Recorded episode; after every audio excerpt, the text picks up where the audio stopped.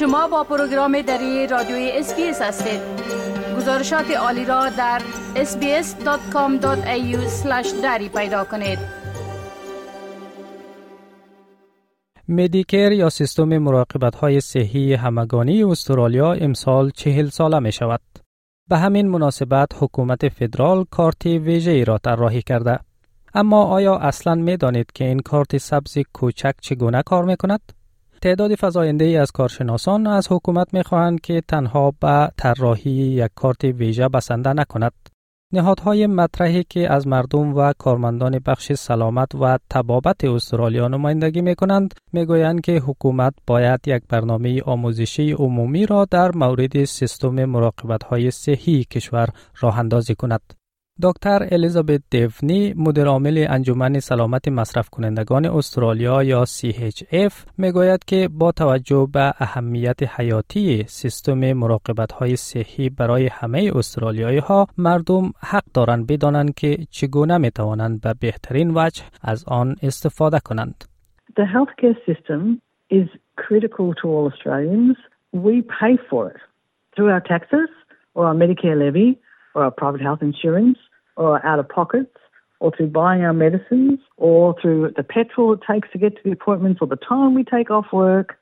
It's our health and we have a right to understand what our tax dollar is buying and how we can best use it. خانم دیونی می‌گوید که چهل سال قبل وقتی مدیکر برای اولین بار راه اندازی شد به لطف بحث های عمومی که پیرامون آن صورت گرفتند مردم می دانستند که سیستم آن چگونه کار می کند و حکومت افراد را استخدام کرده بود که وظیفه آنها تشریح این سیستم برای مردم بود. It was in the papers, people understood what its intent was and how they might access it. And indeed, when Medicare first came in, the government funded people whose job it was to go out into communities and be available to explain it to you. Hey, we've got this new thing, it's called Medicare, this is how it works. You're going to get a card, this is how you use it, this is what it pays for. اما او میگوید که جوانان و کسانی که پس از سال 1984 به استرالیا آمده از این آموزش محروم شدند. به گفته او جوانان فقط با مدیکر بزرگ می شوند و هیچ کس به آنها یاد نمی دهد که چگونه کار می کند. سیستم مدیکر در مکاتب تدریس می شود و حتی دکتران جوانی که تازه وارد نیروی کار می شوند از خیلی از جنبه های آن آگاهی ندارند. So they just grow up with Medicare and the thing is that no one teaches you how it works. We don't teach it in schools. Indeed, even clinicians say that when they finish their training and start working, they discover there are things about Medicare that they didn't understand. CHF یا انجمن سلامت مصرف کنندگان می گوید که عدم آگاهی در مورد سیستم صحی کشور باعث می شود که مردم از مزایای آن محروم بمانند. کالج سلطنتی دکتران عمومی استرالیا نیز همین نگرانی را دارد. و در بیانیه خواستار راه اندازی برنامه برای افزایش آگاهی مردم در مورد سیستم صحی کشور به ویژه میدیکر شده است. هر دو سازمان استدلال می کنند که در دورانی که مردم زیر فشار هزینه های زندگی هستند مهم است بدانند که از مراقبت های صحی رایگان و یارانهی برخوردار هستند.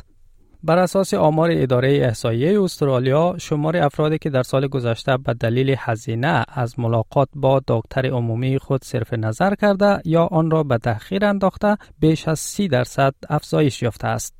اما آنچه نگران کننده است این است که افراد دارای بیماری های زمینه‌ای بیشتر احتمال دارد که از مراجعه به دکتر خود صرف نظر کنند.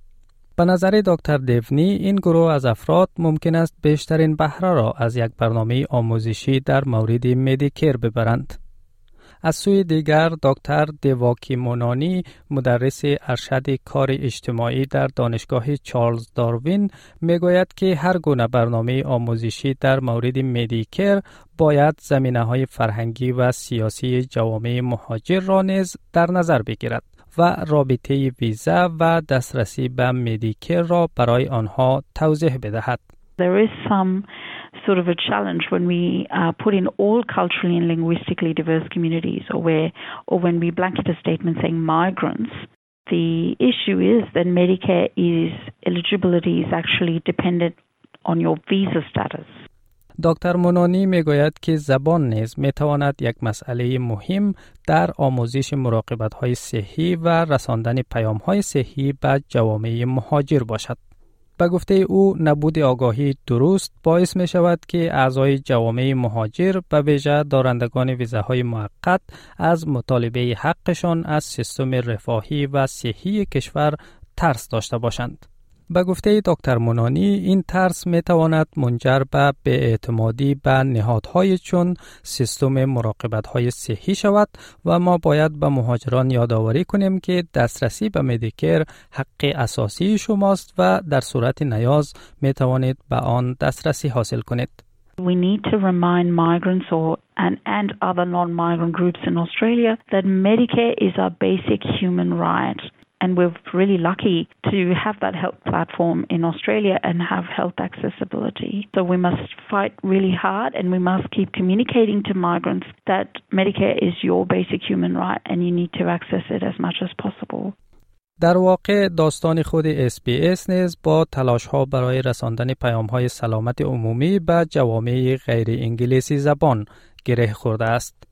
این رسانه ملی در سال 1975 توسط حکومت گاف ویتلم تأسیس شد و این همان سال بود که سیستم میدی بانک که بعدها میدیکر جانشین آن شد راه اندازی گردید.